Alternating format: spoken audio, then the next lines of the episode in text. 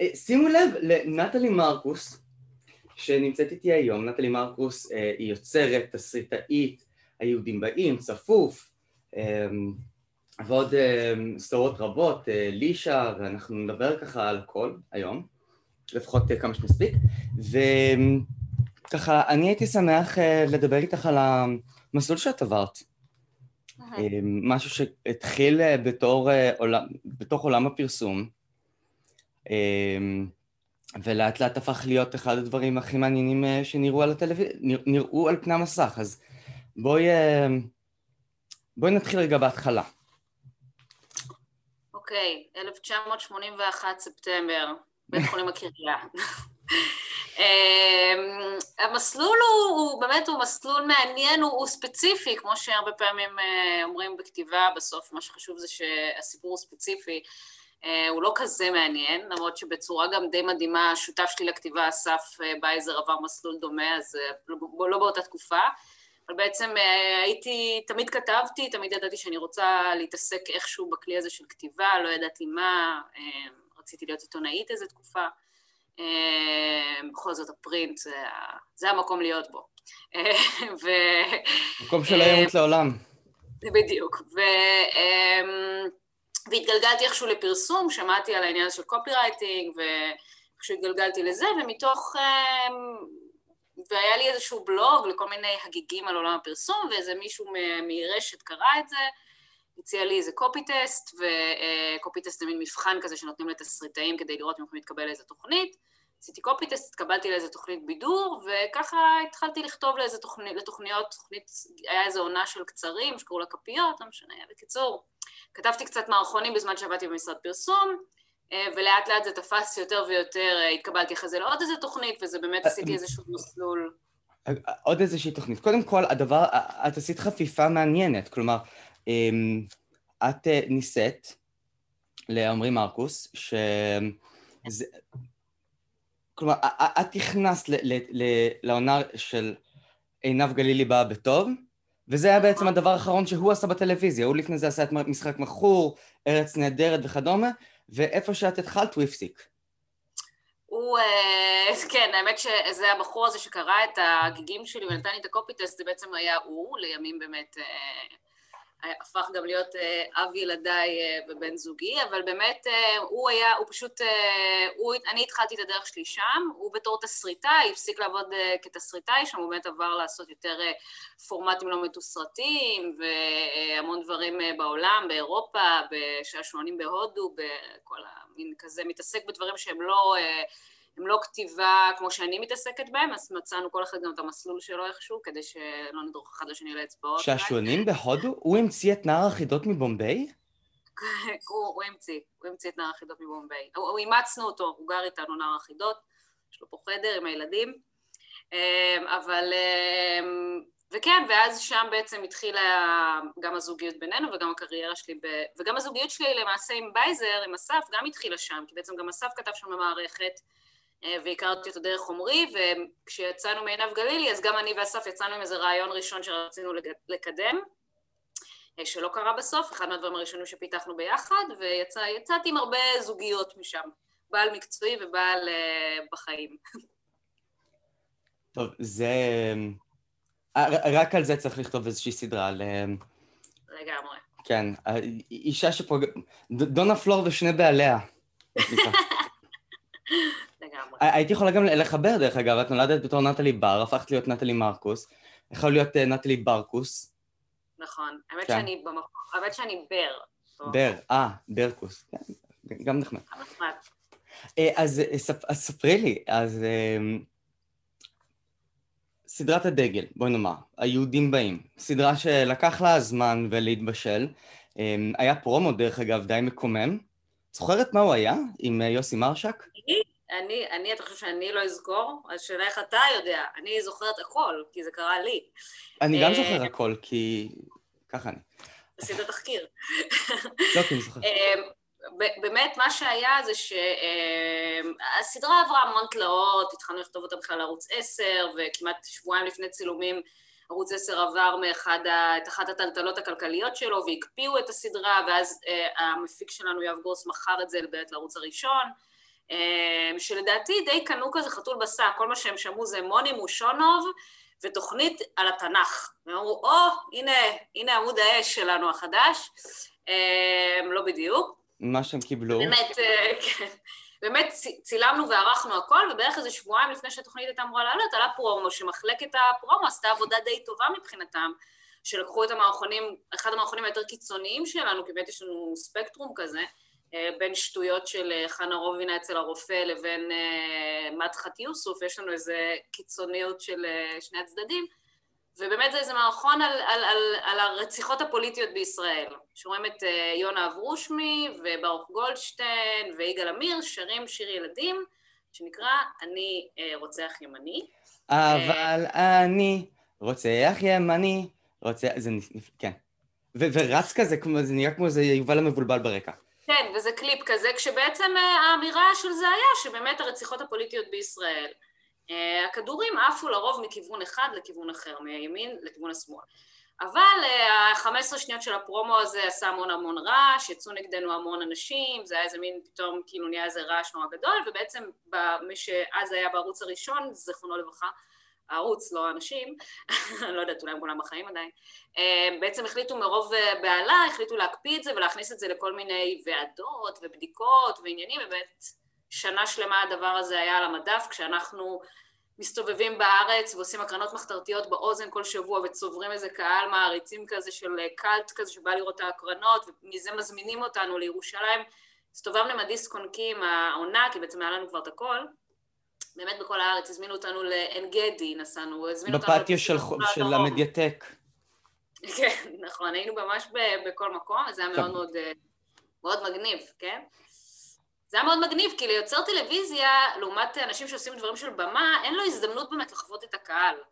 וכאילו, מי שעושה קולנוע, קצת בפסטיבלים וזה, אבל פתאום כיוצר טלוויזיה, שזה משהו שלא יצא לי לחוות, פשוט ראיתי את הקהל כל הזמן, ראיתי איפה צוחקים, איפה נבוכים, איפה אה, מתרגשים, וזה היה חוויה מאוד, אה, בדיעבד חוויה מדהימה, עד שבסוף אה, עלינו לאוויר, וכשהתחיל כל הדבר הזה הערוץ הראשון להתפרק, ובעצם אז כאילו מי שהגיע היה, מי שהחליף את כל ה...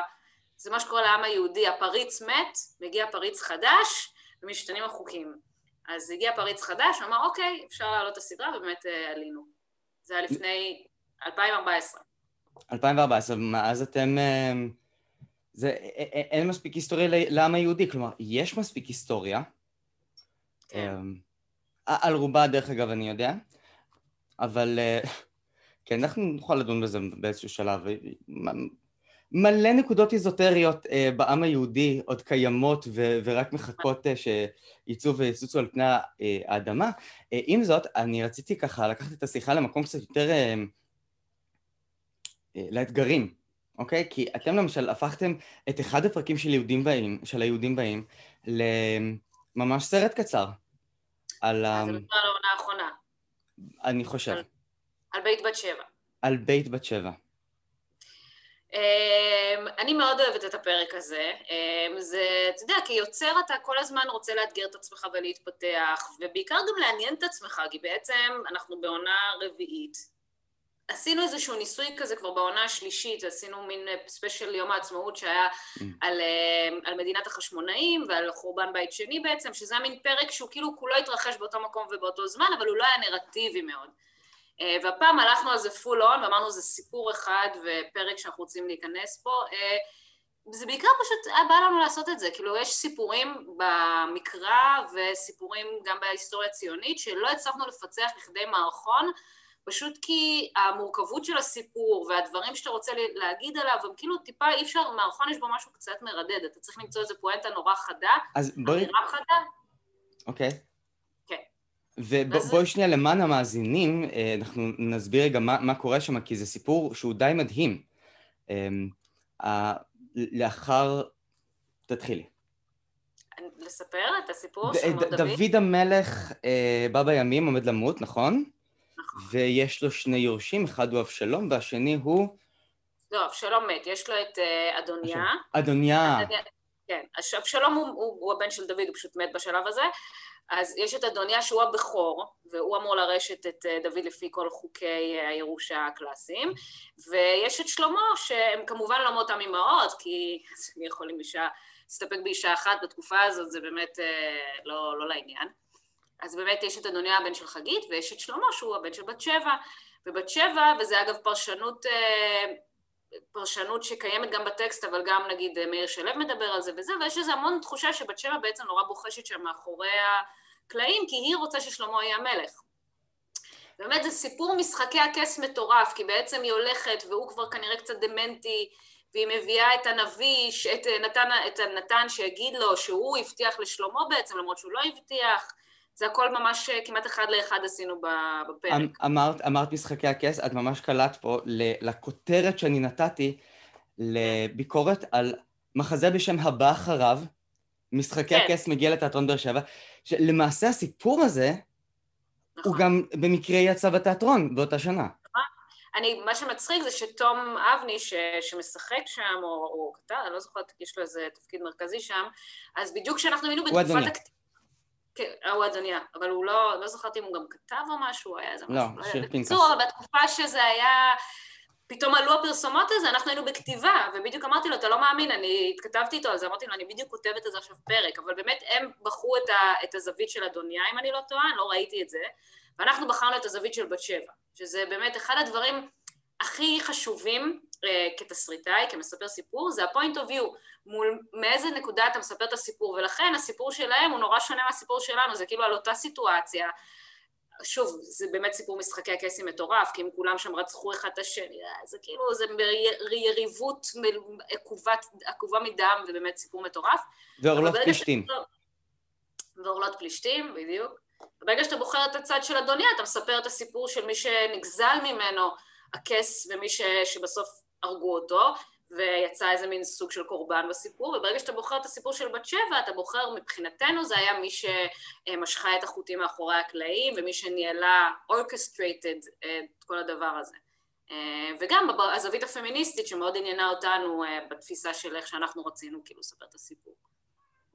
Hmm. אמ, כן, הזוויות הפמיניסטיות הן באמת... אמ, יש בזה משהו שהוא מאוד uh, מהותי, הקטע של הנשים, הזכויות נשים, um, מהמערכון הדי קשה על... Um, יש לי אהוב בסרט חרוב על ההטרדות המיניות בצה"ל, um, וכלה ב... וואו, כל כך הרבה, המערכון של אל כן. תאנוס, um, וזה שבת שבע היא קרבולית. את, את מביאה את, את הפן הפמיניסטי, או שזה משהו שגם... Uh, השותף שלך לכתיבה מתהדר בו. בייזר הוא, יש לו, מאוד מחובר לצד הנשי שלו.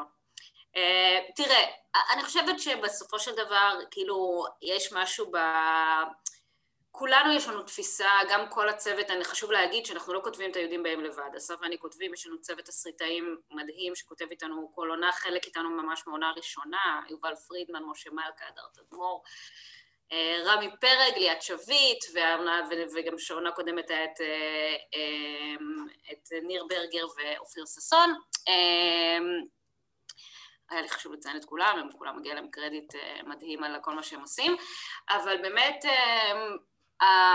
התפיסה של כולנו היא מאוד מאוד מתקדמת, אנחנו, אתה יודע, תל אביבים ליברליים, שלא נאמר שמאלנים, אבל לא שזה קשור בהכרח לפמיניזם, אבל יש איזה מין תפיסה כן מאוד מתקדמת ומאוד שוויונית. באופן כללי אנחנו מתייחסים לכל עוולות החברה באותה, באותה עין ביקורתית. זאת אומרת, יש לנו גם המון מערכונים על גזענות, המון מערכונים כאילו על הדרת אה, מזרחים, המון... זאת אומרת, אנחנו כן משתדלים להסתכל על כל עוולות החברה בצורה נורא מאוזנת.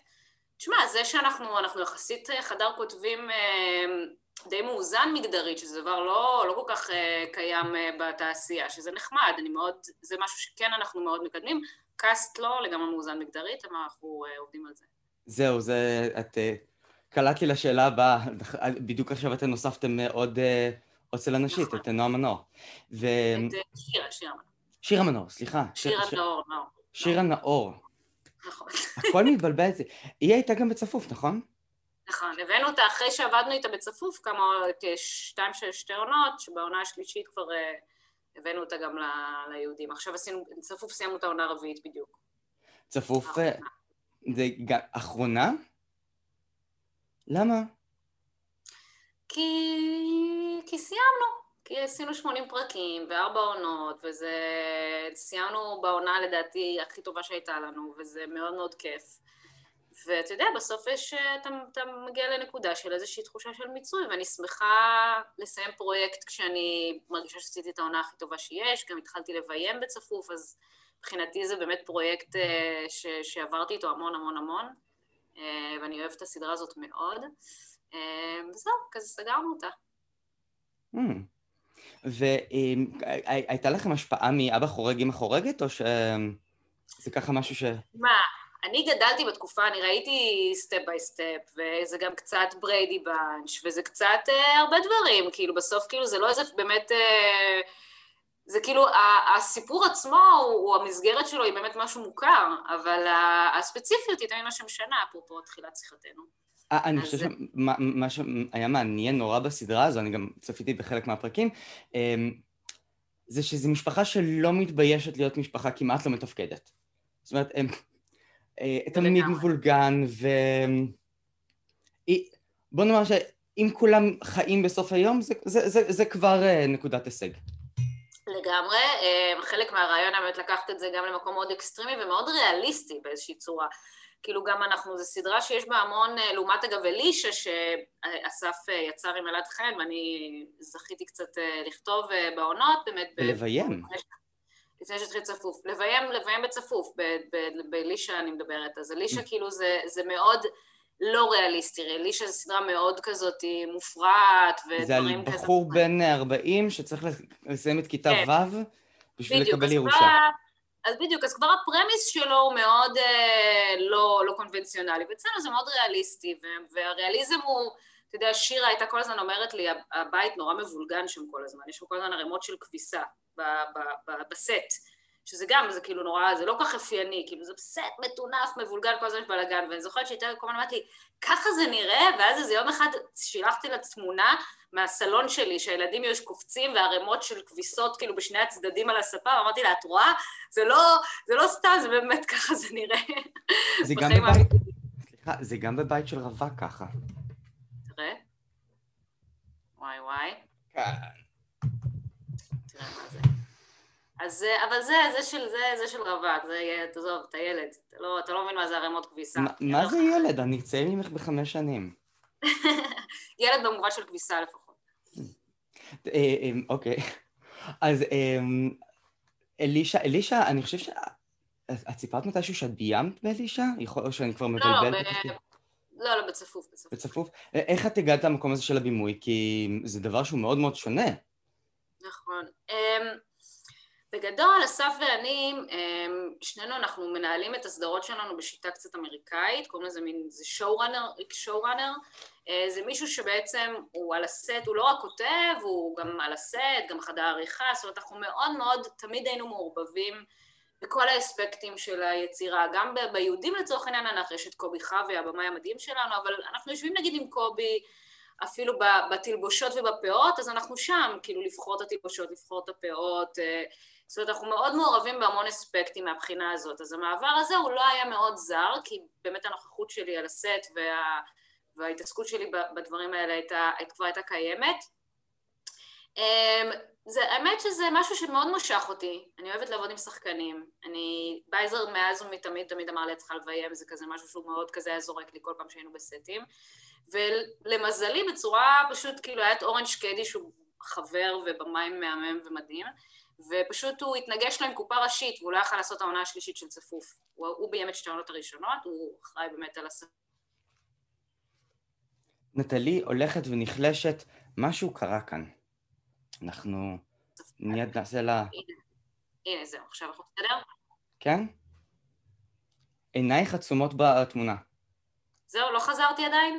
תמצמצי שנדע שלא חטפו אותך. רגע, זה לא חזר? אצלי זה חזר. תגידי, הרעב שיש לך אה, לבימוי, זה שינה את האופן שבו את כותבת? עכשיו את מנסה, כותבת בתור אה, מחשבה של איך אני אביים את זה, או שאיך זה ייראה בתור משהו מבוים? לגמרי, לגמרי. זה, זה מאוד שינה את המחשבה שלי. זה כאילו ההבנה שלי של, של מה, איך, איך אני, כאילו הדרך שלי לדמיין, תראי, תמיד כשאתה כותב אתה מנסה לדמיין, זאת אומרת, כן יש הכוונה לאיך זה ייראה כמובן, ואתה, יש לך משהו בראש, אבל אין ספק שזה שינה את זה מאוד, את המחשבה, כי אני כבר לא חושבת איך זה ייראה, אני אפילו חושבת איך זה יצטלם, נגיד, זה משהו שלא הייתי חושבת עליו פעם בכתיבה. כאילו פתאום כשאני עכשיו כותבת, יש לי בראש שוטים מסוימים, אה, זוויות צילום או דברים כאלה, שפעם לא, לא היה עולה לי בראש, כאילו הייתי חושבת על הסיטואציה ועל השחקנים ועל איך זה נראה, אבל פתאום אני חושבת על איך זה מצטלם, שזה נראה לי הדבר הגדול שהשתנה בתפיסה שלי. תראי, את חושבת שסדרות לילדים, זה ככה לקראת אה, סיום, אמ, שאלה משל עצמי, אני חושב שנעשות קצת יותר ססיות, יותר חצופות, יותר בועטות, מאשר אה, הרבה פעמים סדרות למבוגרים, אה, באופן של איך שהם מציגים את הילדים ונוער. כן. אמ, כן אני, אתה יודע, זה ש... המשפחה פחות מתפקדת, האנשים שהם אה, עושים את הכל בשביל לגרד את השקל. אלישע הוא באמת כאילו הלוזר של החיים, זה משהו ש... ש... כן. עכשיו אולי בשקופים אפשר לראות את זה, אבל זה אותו שחקן. כן. אמ, אני חושבת ש... אני, אני, אני לא חושבת שזה ביחס, זאת אומרת, אני חושבת שסדרות למבוגרים תמיד הביאו את האלטרנטיבות היותר אה, בועטות או אפלות או זה, אני חושבת שעולם הילדים מתיישר לפי הדבר הזה כי גם לפחות גם בתעשייה בארץ, אז המון מהיוצרים היום, אם פעם הייתה איזו יותר דיכוטומיה והם יותר יוצרים לילדים ויוצרים מבוגרים, היום אני רואה את חברים שלי שעושים רגע אחד אה, קופה ראשית ורגע אחד לבד בבית, ורגע אחד, זאת אומרת המשחק הזה של לעשות גם למבוגרים וגם לילדים אה, באמת בטח ובטח בישראל שזו תעשייה קטנה גם וכולנו רוצים אה, ליצור כמה שיותר, אז אני חושבת שבאמת העניין הזה נהיה יותר, שפחות נהיה כזה מין ילדים כותבים לילדים, זה נהיה נקראת כזה, לא, אפשר לכתוב לילדים ולכוון גבוה ובעיקר לכוון לצפייה משפחתית כזה, כאילו אנחנו בצפוף מאוד, אה, כאילו הדבר שאני הכי נהנית ממנו וכיוונתי לשם זה שזה בעצם סדרה שגם הורים נהנים לראות, כאילו שאומרים בואו חכו לי עם הפרק, אנחנו נראה את זה ביחד ואז גם היא מתעסקת בנושאים אה, חתרניים, אה, כדי, כדי, כי אני יודעת שגם זה בתיווך, כאילו אני יודעת, מקווה לפחות שכשאנחנו עושים פרק על, אתה יודע, על מוות, או על מחזור ראשון, או על, אה, או על, על הסכסוך הישראלי-פלסטיני, שעשינו באמת, כאילו, הולך בין ילדים לעולם, כאילו, עסקנו בכל הנושאים האלה מהזווית שלנו, אז אני נורא בונה על זה שזה גם צפייה משפחתית, וזה פותח איזה שיח בין הורים וילדים. טוב, נטלי, זה באמת, הייתה לי שיחה ממש מרתקת. אמ, תודה רבה לך. תודה לך. וככה... האזינו לפודקאסט, שימו לב, גם במילואים.